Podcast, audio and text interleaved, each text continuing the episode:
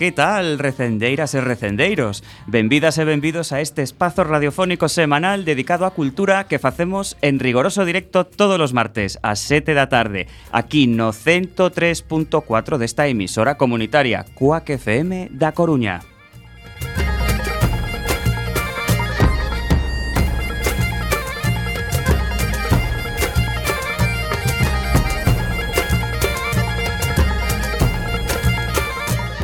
A Agrupación Cultural Alexandre Bóveda presenta este programa que podedes escoitar polas ondas radiofónicas ou a través da internet e tamén en directo na páxina da emisora coacfm.org. Se non chegaches a tempo, non tes excusa, compañeiro. Podes descargar todos os programas xa emitidos tecleando cuacfm.org barra radioco e buscando o noso programa recendo ou escoitar na redifusión que será os mércores ás 8 da mañá, os venres ás 13 horas e na madrugada o domingo ou luns ás 12 da noite. E a partir de agora seguídenos nas redes sociais, tanto no Facebook como no Twitter arroba recendofm onde queremos formar unha comunidade recendeira. Tamén podedes visitar o Facebook da agrupación en a.c.alexandre.bóveda.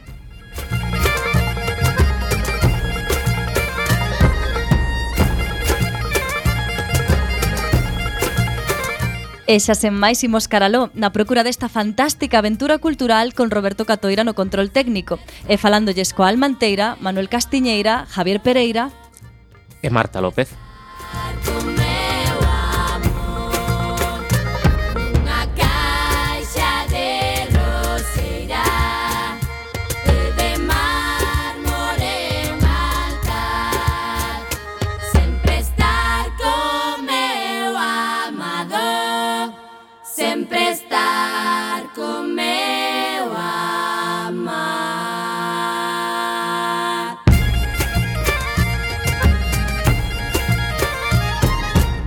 Programa número 233. Contaremos como convidado co produtor audiovisual Domingo Díaz do Campo.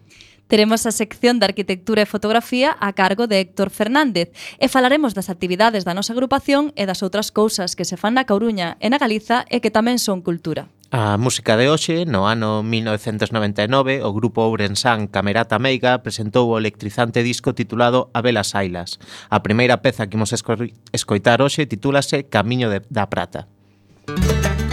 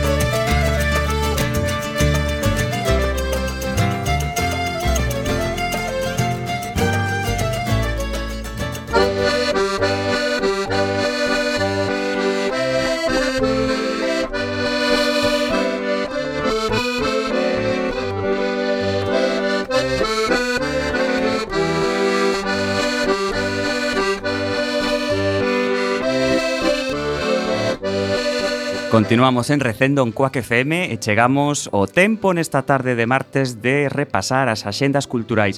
Comezamos polos actos e actividades da nosa Asociación Alexandre Bóveda. Xa se inaugurou a exposición fotográfica a cargo de Ollo de Vidro o pasado venres 4 de novembro, que pode visitarse no Salón Biblioteca do noso local. Consta dunha selección de fotos que realizou a nosa sección fotográfica Ollo de Vidro en distintas exposicións ao longo de toda a historia da nosa agrupación. E onte lun 7 de novembro tamén inauguramos no Fórum Metropolitano unha exposición sobre a Granxa Escola de Monelos, granxa experimental que, que é protagonista na primeira metade do século XX na nosa cidade e con resultados máis que evidentes nunha cidade comercial, portuaria e administrativa. Estará visible ata o luns 14 ese día ás 19 horas na Biblioteca do Fórum Xosé Antonio Fraga dará unha charla informativa sobre a mesma. O xoves 10 de novembro faremos unha nova presentación do libro A poesía de Manuel María. Esta exhaustiva e sistemática análise da obra poética de Manuel María, escrita polo profesor e amigo Camilo Gómez Torres, é un libro de consulta obrigada para toda persoa que queira aproximarse á obra de Manuel María. Ademais do autor do libro, no acto de presentación contaremos coa presenza da profesora da UDC, Pilar García Negro. Será ás 20 horas no Salón de Actos da agrupación.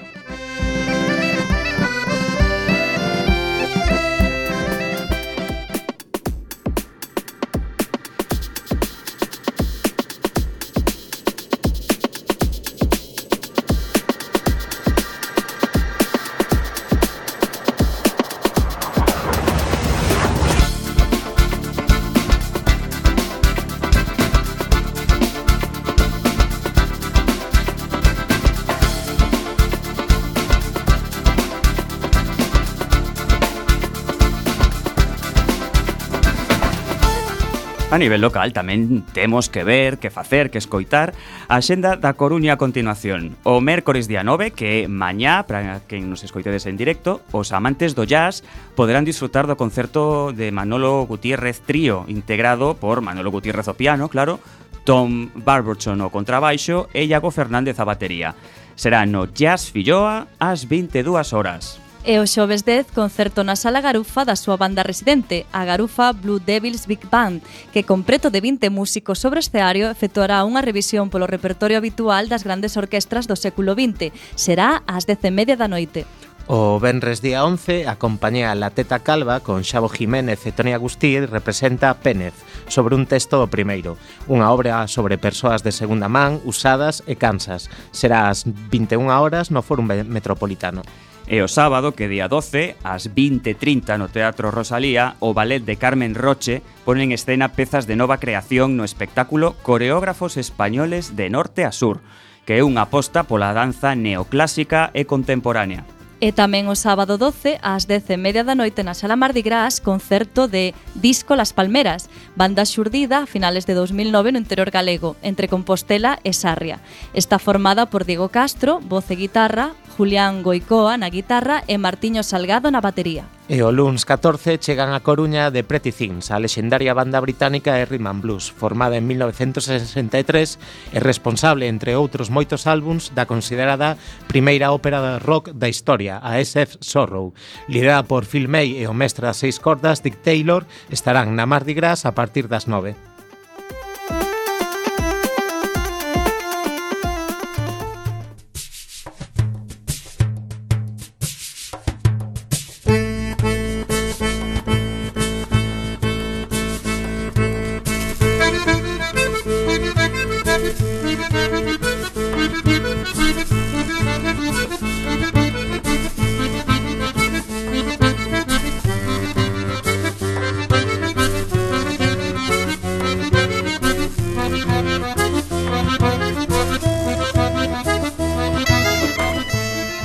continuación percorremos rapidamente moitos kilómetros pola xeografía galega, a Xenda Cultural de Galiza. Comezamos en Lugo.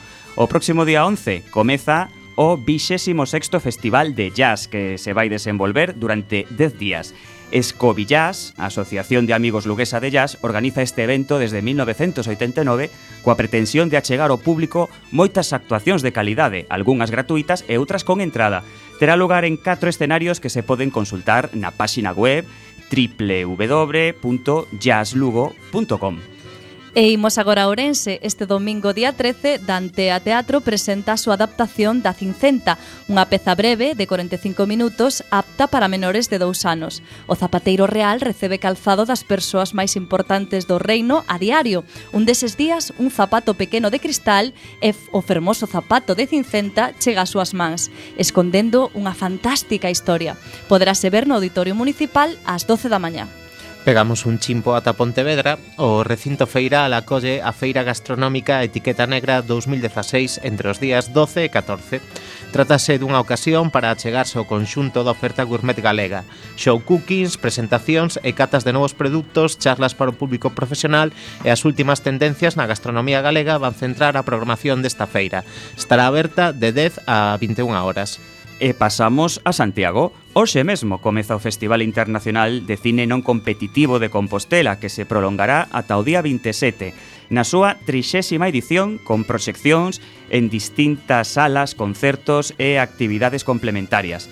Para celebrar estas tres décadas de cinema de autor, a Concellaría de Acción Cultural vende por en marcha a campaña Cine Europa 30 no sitio web oficial cineuropa.gal e nas redes sociais. Por tanto, Cine Europa, unha cita característica da vida cultural de Santiago desde 1987. En Vigo, tempo para xogar coa estrutura das cantigas de amigo de Martín Kodax por medio do espectáculo Leixaprén, non me veñas con cantigas, que toman como referencia do seu propio espazo xeográfico. Vigo, Un espectáculo aberto á teatralización, á danza e ao canto. Será no Auditorio Municipal este venres día 11 ás 21 horas. Imos agora ata Ferrol, faise realidade na cidade da departamental un bello proxecto da cidade que é un espazo permanente de exposicións fotográficas, a sala de proxectos do Centro Torrente Ballester, aproveitando o singular espacio abovedado existente no antigo Hospital de Caridade, inaugúrase unha mostra de Bari Caramés, centrada nas menidas de Canido, que ademais máis celebran esta fin de semana a súa sétima edición. Podes visitar ata o día 13. E para finalizar, baixamos ao sur, á costa e convidamos a Cangas de Morrazo. A banda galega Iglú é un grupo consolidado na escena independente a nivel estatal. Leva máis de 10 anos actuando e conta con multitude de premios. Veñen de publicar o seu quinto traballo discográfico e van a acudir a Salasón de Cangas, na Rúa Lirio, este venres 11 ás 10 e media da noite.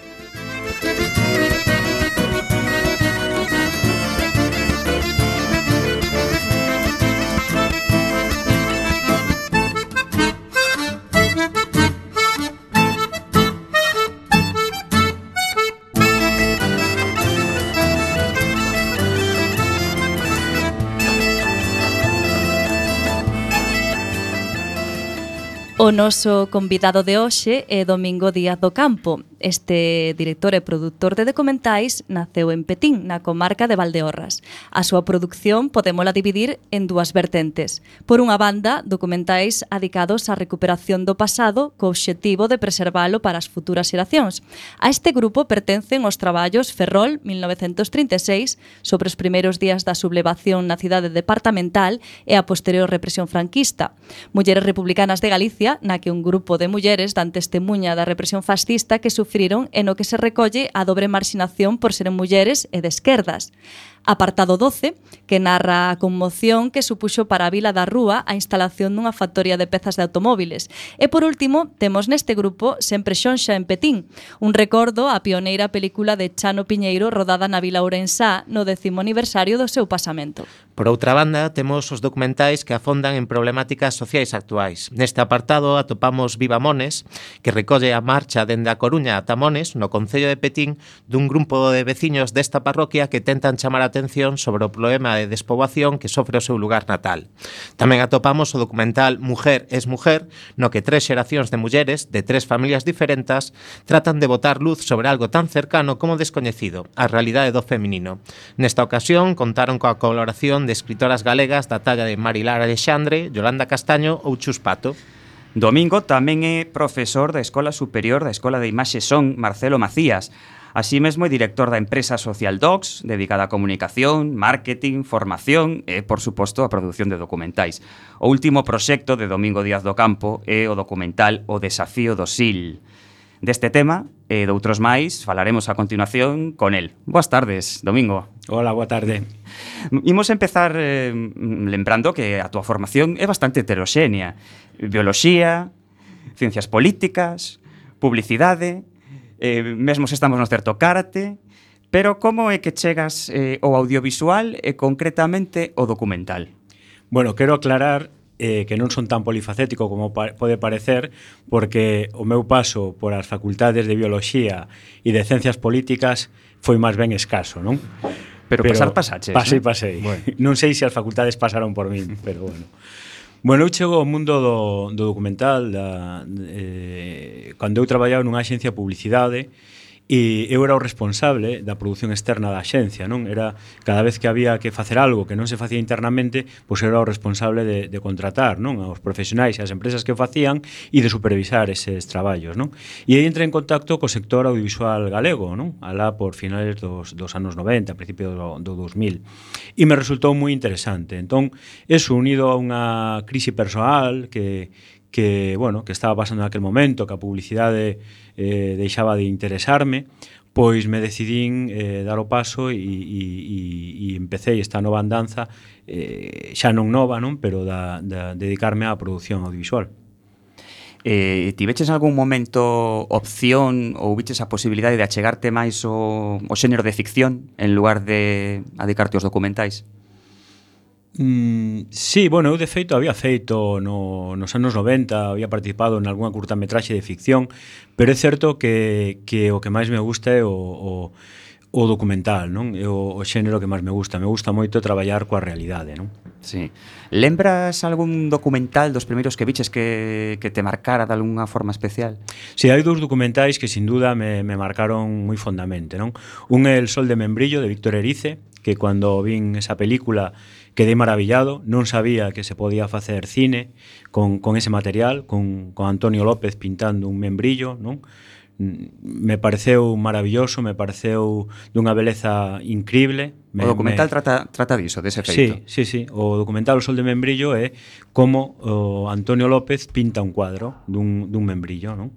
E eso me, me conmoveu non profundamente, non? Me, me deixou fascinado. E depois hai outro, outro documental que é Monos como Becky de Joaquín Jordá que me rompeu completamente os esquemas, non? Porque é un documental eh, sobre, sobre a psiquiatría, non? e, e me, me pareceu maravilloso como el se metía na trama, a forma de tratalo, a mezcla de xéneros, a despreocupación por a estética eh, e a preocupación por o contido. Don, eu creo que, que se hai dúas películas que me marcaron foron El sol del membrillo e Monos como Becky. Uh -huh. Eh, na introdución tomámonos a liberdade de clasificar os teus proxectos. Estás de acordo cla ca clasificación ou tes algo que decir? Eu creo que sodes moi xenerosos. Eso significa que sí. Que... Sí, eh, o certo é que, que eh, non son moi de reflexionar sobre o que levo feito, son máis de mirar hacia adiante e pensar os próximos proxectos, pero sí que é certo que se pode ver unha certa liña, non? Eh, de feito, hai algún colaborador non? Co, co que traballo que, que, que, que tamén ten esa tese, pero supoño que nos pasa a todos, non? Que ao final poñemos o foco de atención nunha liña e, e non somos máis intelixentes como para mirar máis para lá, non? Uh -huh. E que ten que ter un proxecto para que decidas involucrarte nel? Eh, boa pregunta. Me ten que interesar, tenme que parecer que sexa realizable, eh, teño que creer estar convencido de que podo facer unha, un bon achegamento ético ao proxecto. Creo ten que ter posibilidade de ser financiado ten que ser un tema que lle interese a alguén, non? Eu creo que son unhas, unhas, unhas claves, non? eh, eu funciono moito tamén por cercanía, non? Ao final eh, me dou conta tamén de que os proxectos nos que participo de algún xeito ou outro me, me tocan cerca. Non? Eh, a veces eh, porque coñezo alguén que está metido nesa problemática, porque hai alguén que me suxire ese tema, que o está vivindo, ou porque son inquedanzas miñas, non? Pero, pero pero sobre todo necesito ter eh, cercanía, cercanía, proximidade co, co tema, non? Entón a comarca de Valdeorras, non, que sexa tan recurrente eh, por cercanía tamén ou Sí, non teño unha vocación de, de facer eh, máis cousas non en Valdeorras, pero é certo que, que hai cousas como, por exemplo, Semprexón Xampetín xurdiu dun taller de cine que estábamos dando xunto con Ignacio Vilar no, en Petín, no noso concello, non? E, e nos propuxemos facer algo pois, eh, para como corolario dese, dese taller, non? E como era o décimo aniversario do pasamento de, de Chano Piñeiro, eh, se nos ocurriu, dixemos, bueno, por que non facer un documental sobre sobre o que supuxo a rodaxe en Petín, que se, eh, que se rodou no Concello de Petín, gran parte da película, non? E entón xurdiu así, apartado 12 2012 xurdiu dunha, dun xeito parecido. Eu estaba traballando noutro proxecto con Cristina de la Torre, cunha xornalista, e ela me propuxo que ela é da Rúa, eh, a Rúa e Petín están, están pegados, non? separados apenas polo río Sil, eh, protagonista do meu último documental tamén. E, e estábamos preparando outro proxecto e me dixo, "Oye, hai unha eu non estaba moi enterado do que estaba pasando na rúa porque vivo en Coruña e, e sabía algo, pero non sabía hasta que hasta que fondo era e ela era xornalista naquel momento, Eli, e me comentou as revoltas que estaba pasando, o malestar que había no pobo, non, por a construción dunha fábrica, non? E, e entonces eh, me pareceu que era algo que había que contar, non? Porque había posicións moi enfrentadas, había moita crispación, bueno, un, un zafarroncho político increíble, non? Entón me metín por eso, pero como vedes non hai un, non era como unha vocación de contar cousas ali, sino que, bueno, de alguna forma os os temas che, te chegan, non? e de alguna maneira, Domingos, eh, digamos, eh, voltas outra vez a Valdeorras co teu último proxecto, o desafío do SIL. Que nos podes contar de, do desafío do SIL? De que vai un pouco? Bueno, o desafío do SIL é unha é un documental que narra a construción dos Altos do Sil, non? No a partir do ano 1945 por a empresa que se crea para explotar esas esas explotacións hidroeléctricas, non? Que é Altos del Sil e narra por un lado o desafío técnico que supuxo, non? E narra tamén a transformación social que sufriron todas as comarcas donde se construíron as presas, non? Eh, eu quero vos, se me permitides, vou vos contar tamén por que fago o desafío do SIL, porque é unha cousa curiosa, non? Eh, bueno, eu sendo, cando era estudiante, un verán, estiven traballando para unha subcontrata. Ahora, e Saltos del Sil é unha empresa que foi absorbida primeiro por Iberduero e agora por Iberdrola, que é quen xestiona as, as, empresa, as presas e as centrales que construiu Saltos del Sil. Non? E un verán, cando era estudiante, me ofreceu unha subcontrata que era veciño, o director, eh, traballar no mantemento dunhas, das centrales. E para sacarme vos algo de cartos, aceptei. Entón eu estuve traballando nunha central, en concreto na de San Esteban. Non? E eu me metía dentro dunha turbina con un calentador destes calentaleites e metía os sensores da turbina cun termómetro a ver a que hora saltaban, a ver a que temperatura saltaban os relés, non? Entonces, bueno, eh, por outro lado, eh, eu estudiei toda a vida con, con con fillos de, de empleado, empregados de Saltos do Sil, non? Entón era unha, era unha realidade que para min era bastante cercana, non? E entón un día eu me escapo moitas tardes a traballar ás bibliotecas, non? É como un espazo de silencio onde ninguén te molesta e, e tes o teu momento de intimidade. E baixando da, da, da biblioteca había unha sección de libros recomendados e había un que era La construcción de los altos del Sil 1945-1965 de Susana Chavarri. Entón, bueno, collín o libro e isto eu creo que era un xoves e o Lun xa o tiña rematado, non? Porque falaba de temas que eu coñecía, os protagonistas eran a xente que, que eu coñecía, e, bueno, inmediatamente me puxen en contacto ca autora, con Susana Chavarri, eh, con Merquei os dereitos e, e me puxen a, a facelo. Co cual, como vedes, tamén é un pouco de azar, non? Que, que eu este facendo este documental. E cando poderemos disfrutar del domingo? Pois eh, para o próximo ano. O estrearemos no 2017, ainda non temos data, é un proxecto que está estaba rematado, pero neste no en época moi recente descubrimos un novo material de arquivo eh, nos arquivos de Iberdrola e o estamos incorporando. Entón, e agora xa ven Nadal, e bueno, en Nadal, se si non temos unha superproducción americana, pois pues non é moi recomendable eh, estrear, non? Nos imos facer a primeira pausa musical doxe desta conversa con Domingo Díaz, imos escoitar outro tema de Camerata Meiga, neste caso Bailai Ben, A ver se o digo ben, Manu, se non digo ti. bueno, eh, eh, sí, porque contan cunha cantora portuguesa cada máis que do mellorciño, que é Amelia Muxe. Amelia Muxe. Imos alo.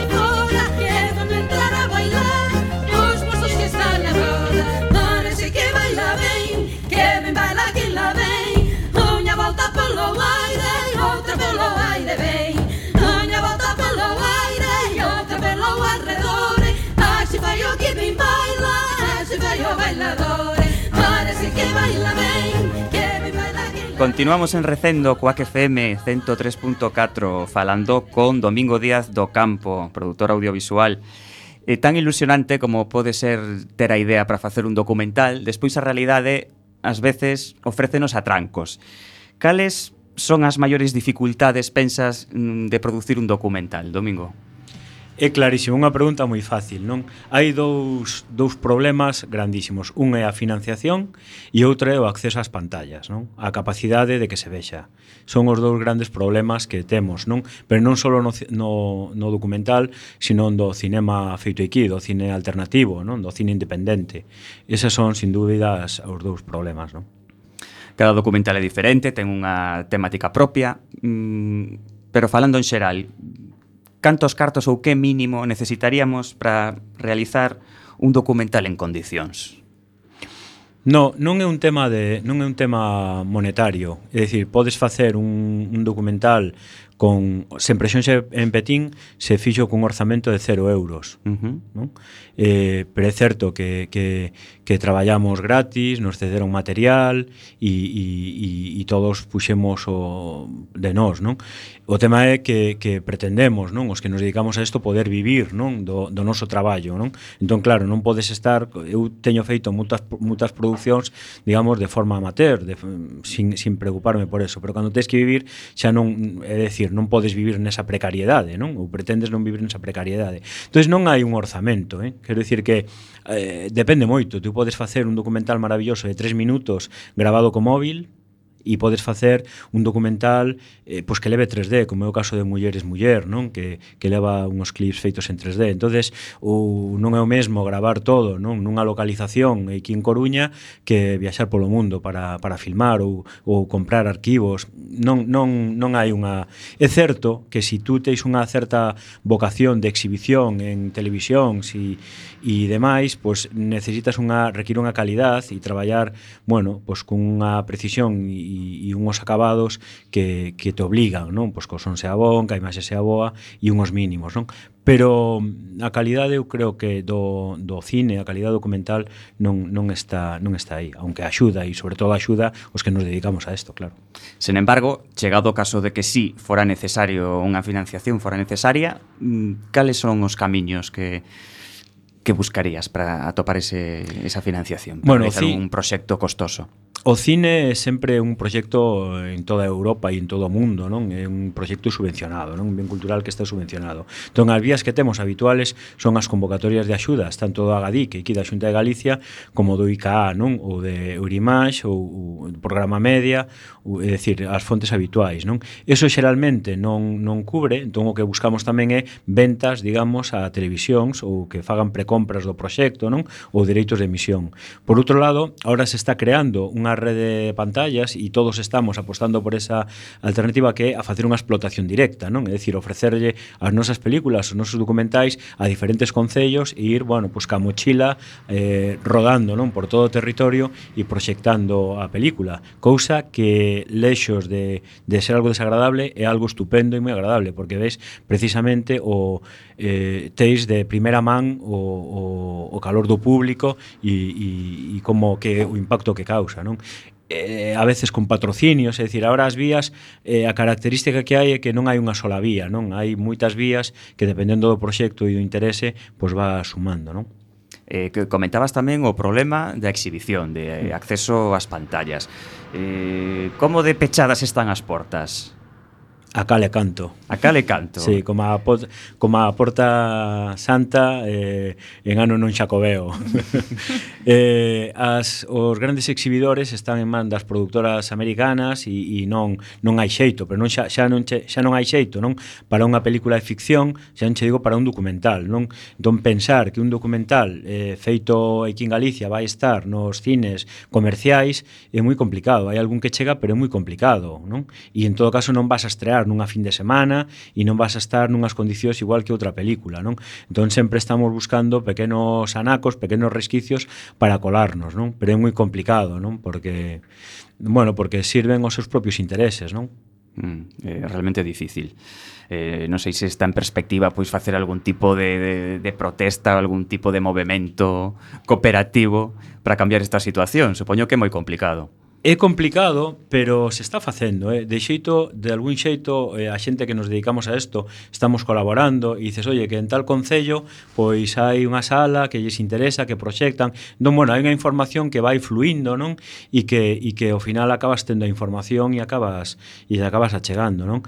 Pero pero é un gran problema, claro, porque ao final sempre É decir, ti cando vas a, a, con alguén a un cine comercial grande e tal, eh, o ves en pantalla grande, lle das unha importancia que non vas a unha, a unha sala municipal, que non son as mesma calidad de proyección, que non é o mesmo entorno, e de algún xeito lle quitas valor. Non? Tamén é certo que a xente que vai a, a esas a, a esas salas é xente que ama de verdade o cine, non? Entón teis un espectador que, que, que seguramente te vai valorar máis e te vai apreciar máis, non? eh, desde o teu punto de vista, eh, cal sería o nivel dos documentalistas profesionais na nosa terra? Bueno, agora hai unha fornada de novos directores, non só de documentalistas, sino de directores que están facendo un, unhas cousas maravillosas, non? O sea, quero dicir que eh, vamos, eh, ahora mismo hai un nivel en Galicia, eh, bueno, que están competindo a nivel internacional e están gañando premios a nivel internacional, non? sea, Lois Patiño ten un traballo é que non me gusta mencionar nomes porque sempre te deixas algún, non? Pero, bueno, me acordo ahora de Lois porque coincidín este fin de semana con el no, no Festival de Cine de Ourense, non? Ten unha obra, bueno, super interesante, non? É dicir, hai, hai, hai xente que está facendo cousas moi, moi, moi interesantes. Non? Por tanto, hai un futuro, hai en perspectiva. O problema é que hai un futuro como creadores, non? Mm. Pero non sei se hai un futuro como para vivir del, non? É dicir, hai unha hai unha contradicción, que hai un momento creativo moi interesante, non? Que se fai un determinado tipo de cine, non? pero non é un tipo de cine que, que, que este nos sitios onde debería estar, non? que chegue a todo o mundo. Non? Eh, Domingo, eh, falemos agora un pouco da túa labor docente. Que, que crees que é o máis valioso que lle podes ensinar aos teus alumnos? O máis valioso que lles podo ensinar? Sí.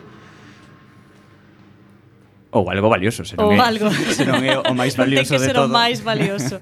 eh, a non cagala demasiado. es... Unha lección moi importante. sí, Eu unha vez importante. me, me chamaron para, para dar unha charla non de, de, na Escola de Imaxen e Son, non?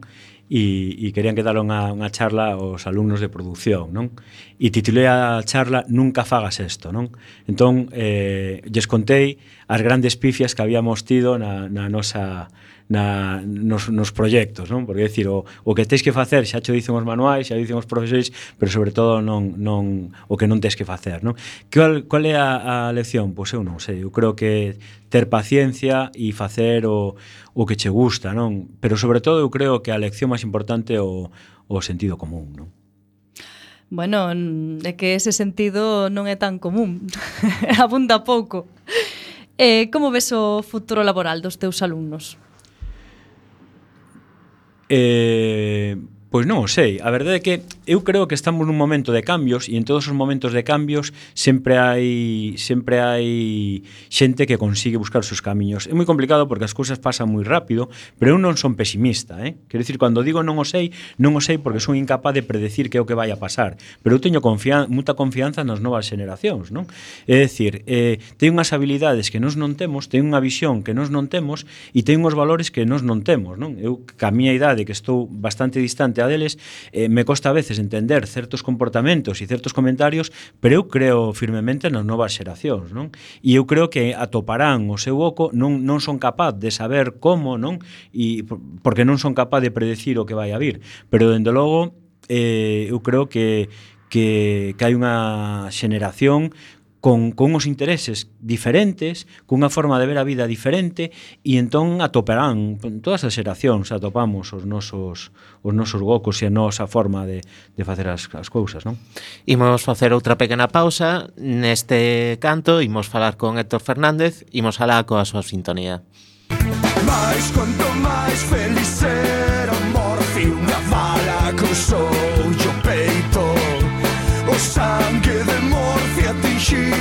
oceano fondo do mar foi ser leito. Morfei, morfei, morfei.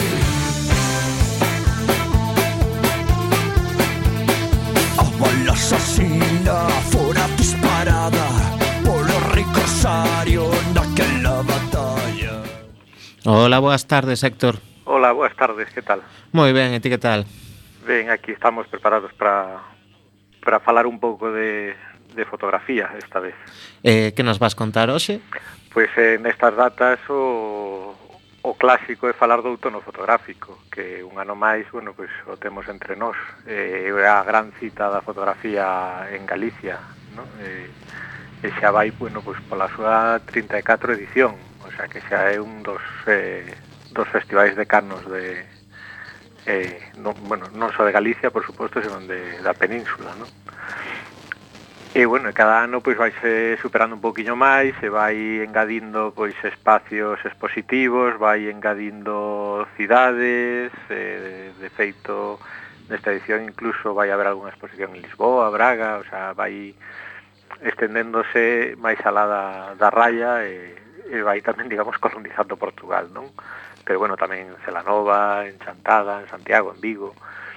Entón hai un montón de exposicións, eh, algo máis de 90, quero recordar que son eh, eh, en, en 20 puntos de, de Galicia. Entón todos nós imos poder entrar na, na web do, do festival, no? do autonofotográfico.com, e buscar ali no, no programa que seguro que temos algunha eh, exposición non só interesante, senón do tema que, que a nos nos poda interesar máis, non? do que podamos estar máis eh, apegados. Non?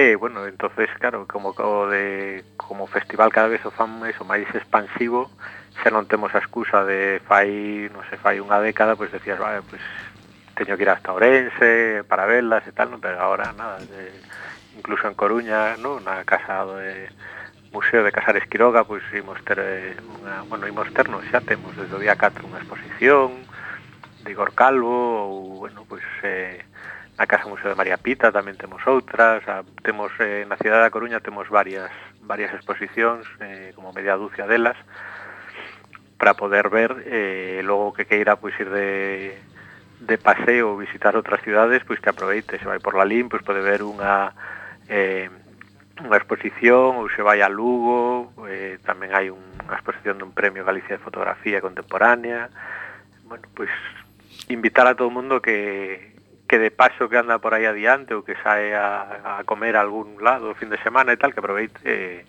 e vexe a boa fotografía. E ti, Héctor, destas 90 exposicións, cale a que non vas perder?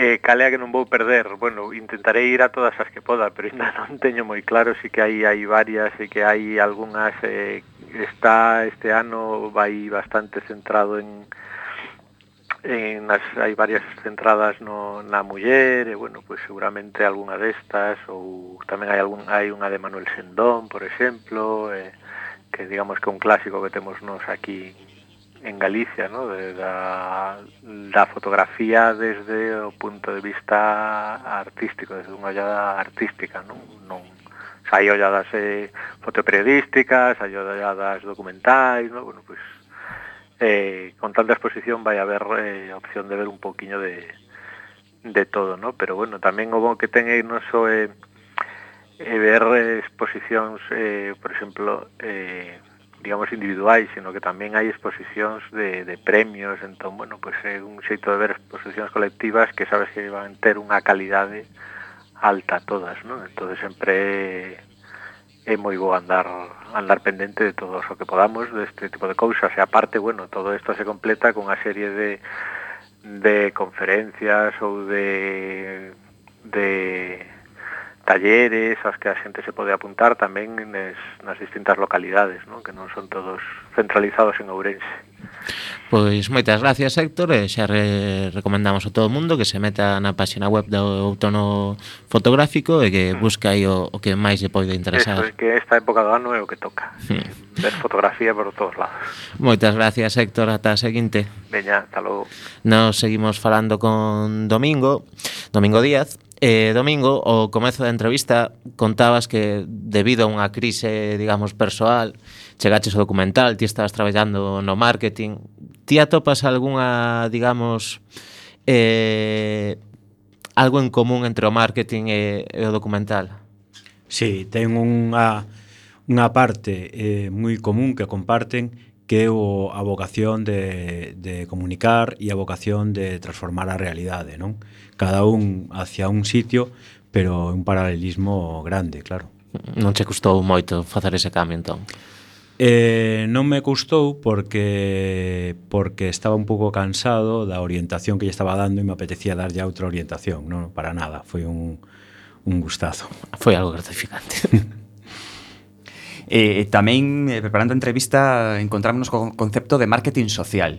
Que nos podes contar? Que é o marketing social eh, e como relacionas co, cos concellos, coas escolas. Sí, nós o que facemos é crear contidos, non, que ten unha vocación transformadora da sociedade, non? É dicir, nós creemos moito que eu creo, non, que a publicidade convencional está morta, e, e, e se está mudando, non? Por moitas cousas, non? Por a saturación que hai, por a evolución, por a fragmentación dos medios, hai moitas causas, non? Entón, desde o punto de vista de, de marketing, nos eu personalmente creo que a forma de chegar ahora mesmo a xente a través de contidos, non? ofrecéndolle contidos. E nós o que facemos nesta vertente social é crear contidos para apoiar ou para lutar por determinadas causas, non? Eh, en concreto, nos estamos mm, bastante especializados en traballos de igualdade e, e de fomento da igualdade entre mulleres e homes e prevención da violencia de xénero, non? Nos temos uns programas que temos realizado en varios concellos, temos feito aquí en Coruña, Ferrol, Ourense, eh, Arteixo, Ribeira, bueno, en varios sitios, non? E, e o que facemos é utilizamos o audiovisual, non? E creamos contidos audiovisuais con adolescentes, con nos centros educativos e despois con eses contidos, non? No que se trata esta temática, eh, os proxectamos, non? Nos, nos propios centros e facemos obradoiros, non? Tanto de prevención de violencia de xénero como de fomento da igualdade, non? Entón, ese tipo de, de actividades, non? A que, as que eu me refería. Imagino que serán proxectos exitosos e que teñen aceptación, ou non é así? Sí, son uns proxectos, primeiro, moi gratificantes de facer, porque eh, sempre nos sorprende non eh, a, as respostas que che dan cando falas de igualdade, cando falas de violencia de xénero, a resposta que che dan os adolescentes, non xente desde 13 a 16, 17 anos, eh, eh, é increíble, non? E despois sempre teis unha valoración moi positiva, non? Veis unha transformación, a xente que pasa por os obradoiros, non? Que é maravillosa, non? Sempre la verdad es que muy buenos resultados. ¿no? Oxe, por exemplo, podíamos ler na Voz de Galicia, supoño que noutros lo, eh, xornais, que, por exemplo, nestas franxas de idade que ti estás a comentar, entre 13 e 16 anos, había como un pequeno retroceso, cada vez os rapaces controlan máis as súas mozas ou os seus mozos, e ti notas isto cando vas por, eh, polas escolas? Sí, unha, bueno, eh, nos empezamos a facer este tipo de proxectos porque tiñamos acceso non a, a información que, que efectivamente decían isto e hai estudos, non? O que pasa que nos pasan dúas cousas, non? Unha, estos suelen ser proxectos nunha primeira fase, non? Na fase audiovisual, onde rodamos a curtametraxe de participación voluntaria. Entón a xente que nos chega é xente xa cunha clara concienciación, con un discurso creado, non? E, e entón esa é unha parte, digamos, que non non é a xente, non? Na que se ve o retroceso. Pero depois sí, depois cando vamos, non, a proyectar a curta e facemos os obradoiros, e aí sí que nos encontramos por xente que que que de feito a veces se ve agredida ela, non? O ver esa realidade sociedade que nega as evidencias, non, con outros comportamentos, non? Se ve claramente, sí, sí, pero eu creo que toda a xente que está en contacto con con adolescentes o vei, non? Eh, debe ser totalmente un shock, non? Mm, é un shock por un lado, porque é terrible, non, dar pasos atrás, non, en temas como como a igualdade, eh, é moi duro, Pero por outro lado, ves que hai xente que ten as cousas moi claras, non? Que convivindo, non, con con con eses eh ese con ese retroceso, hai unha xente que vai moi por diante, non, que é moi crítica, non? E e entón é un shock, pero tamén hai esa esperanza, non? Esa esperanza de xente que que loita, non, de rapazas e de rapaces que loitan por mudar, non, a situación. Bueno, de alguna maneira, falando deste marketing social e o documentalismo, chegaches a conciliar eses dous campos, non? Sí, eh, o certo é que sí. Unha maneira de sentirse orgulloso, non? Despois de rexeitar un pouco o marketing, ver que agora esas ferramentas tamén serven para algo máis que vender deterxente ou, sí, ou non, papel higiénico. Sí, non é tanto que rexeitar o marketing, senón que foi un tema de hastío, non? Hmm. E, e sobre todo de sobresaturación, non? É dicir, foi un tema de, de saturación que me, vamos, non houve un momento en que non era interesante vender, o sea, axudar ás marcas a vender leite ou, ou a, ou a facer outras cousas, non? Pero, pero sí, desde logo, esta parte é unha parte por mí moito máis interesante, sobre todo porque a min ao final o que me gusta e parte do, do meu traballo como documentalista e polo que me gusta os documentales é que me gusta traballar coa xente real, non? E darlle voz á xente que habitualmente non a ten, non? Entón, eh, por eso sí que sí que esa conciliación, é dicir, facer un esforzo para darlle voz a unha persoa que non foi escoitada, pois é moito máis gratificante que darlle voz a unha marca, non? Nos imos facer a nosa derradeira pausa musical, seguimos con Camarata Meiga, neste caso, Hora Meiga.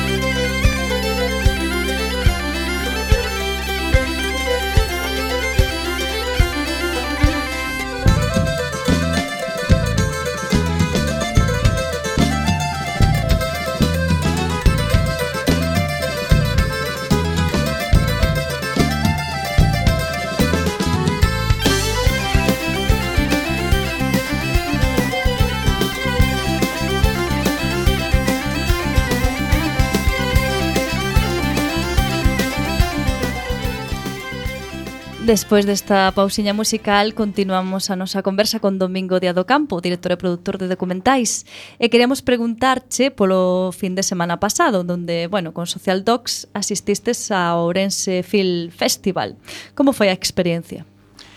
Pois moi ben, a verdade é que o, é un luxo ter un festival como, como o Festival de Ourense donde podemos ver películas non que habitualmente non, non vemos e ademais que serve non para un encontro de profesionais tamén non?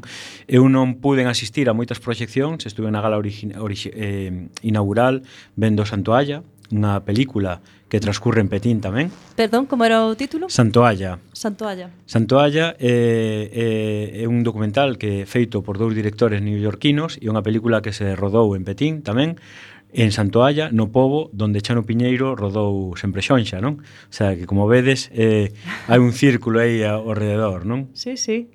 Eh, cales son as cal crees ti que son as principais ventaxas non deste tipo de certames? Bueno, a principal ventaxa é dar visibilidade ao que facemos, non? Antes falábamos da problemática que temos para chegar ás salas convencionais, non? E ás salas de cine. Entón, isto que nos sirve, polo menos durante un período que dura o festival, de facernos que se faga eco dunha programación de cine diferente, non? Que pode ser, non, o as nosas producións ou pode ser outro cine que non é o cine que ven empaquetado Made in Hollywood, non? Entón, entonces sempre é de agradecer, non? É un pouco un, unha pequena bofetada que te espabila, non?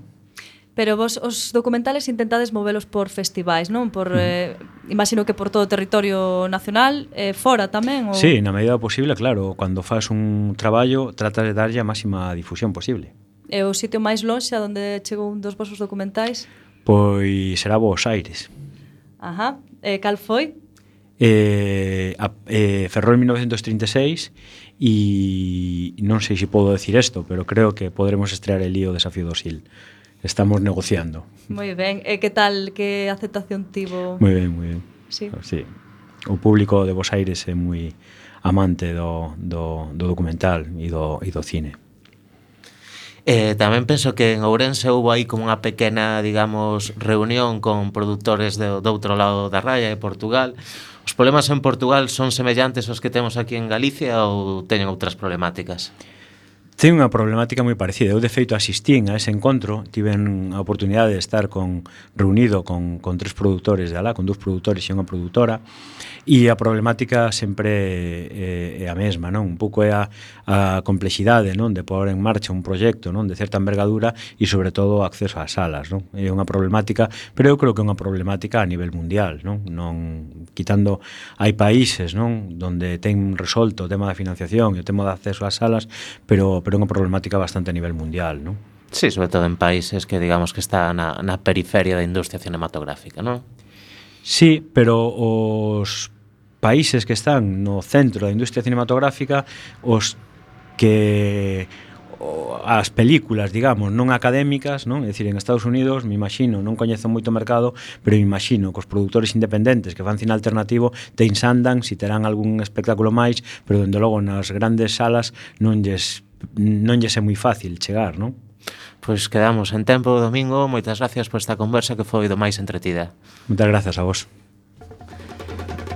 E sen tempo para máis odiseas, imos chegando a fin do camiño deste recendo. Despedimos o programa de hoxe agradecendo os nosos convidados que, coma sempre, son de honra. Hoxe estiveron con nós Domingo Díaz do Campo e máis Héctor Fernández coa súa fotografía e agradecendo a semente pedra angular de todo o noso comando e equipo de producción formado por Javier Pereira, Antonio Brea, Manu Castiñeira e Roberto Catoira. E aquí estivemos eh, Manuel Castiñeira e Javier eh, Pereira. E Marta López acompañándote neste recendo de palabras e de imaxes radiofónicas que nos traen este aroma cantado na nosa lingua e que nos permite hoxe e tamén no futuro a permanencia da palabra, da música e da implicación e o compromiso coa nosa nación, a Galiza. Ate o vindeiro martes a 7 da tarde en directo nesta emisora Cuac FM da Coruña, xa sabedes, recendo as mil primaveras que terá o noso idioma.